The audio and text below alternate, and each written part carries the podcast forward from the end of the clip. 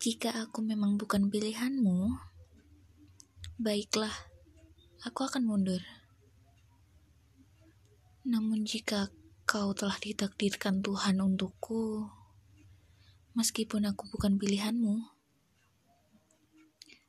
salah satu cara adalah dengan aku harus mengikhlaskanmu. Namun, sejatinya aku masih